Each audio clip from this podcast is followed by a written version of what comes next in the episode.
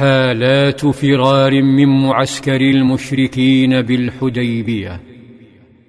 كان يوما طويلا.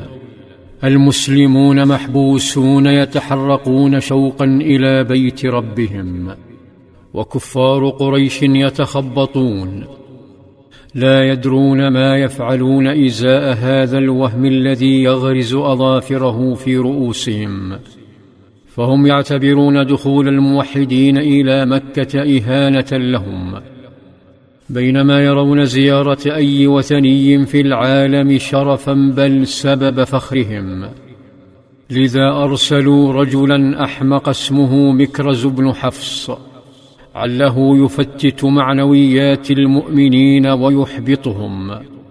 ولما وصل أخبره القائد صلى الله عليه وسلم أنه ما جاء لحرب بل جاء للعمرة.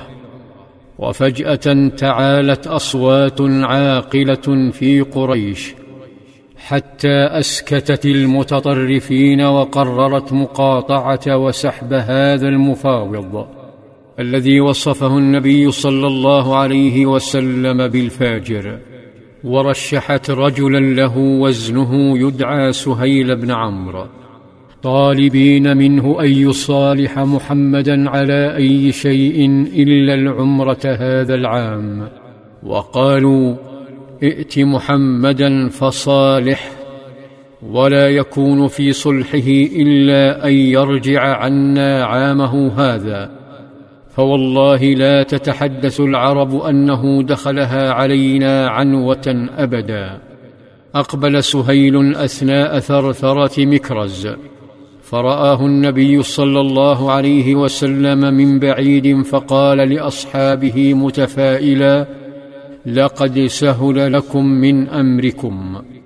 وأثناء مسيره اهتز معسكر الوثنيين بصراخ وحركة تثيران الشفقة والغضب معا. مجموعة من العبيد تتغامز فيما بينها ثم تنطلق هاربة نحو معسكر المؤمنين والحرية والتوحيد. فصاح مالكوهم بهم فلم يلتفتوا لهم وعجزوا عن ردهم.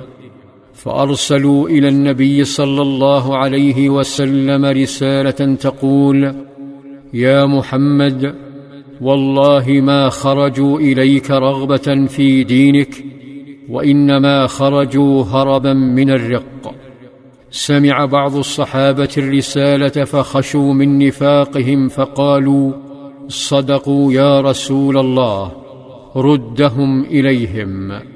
فغضب صلى الله عليه وسلم وأرسل لقريش قائلا ما أراكم تنتهون يا معشر قريش حتى يبعث الله عليكم من يضرب رقابكم على هذا ورفض بشكل حاسم إرجاعهم وقال هم عتقاء الله عز وجل. حل العبيد أحرارا كراما بين إخوتهم المهاجرين والأنصار. ووصل سهيل بهدوء وجلس بين يدي القائد صلى الله عليه وسلم تحت تلك الشجرة فتكلما وأطال الكلام وتراجعا حتى اتفقا. عندها طلب سهيل توثيق الصلح كتابيا وقال هات اكتب بيننا وبينكم كتابا. فدعا النبي صلى الله عليه وسلم علي بن أبي طالب ليكتب العقد.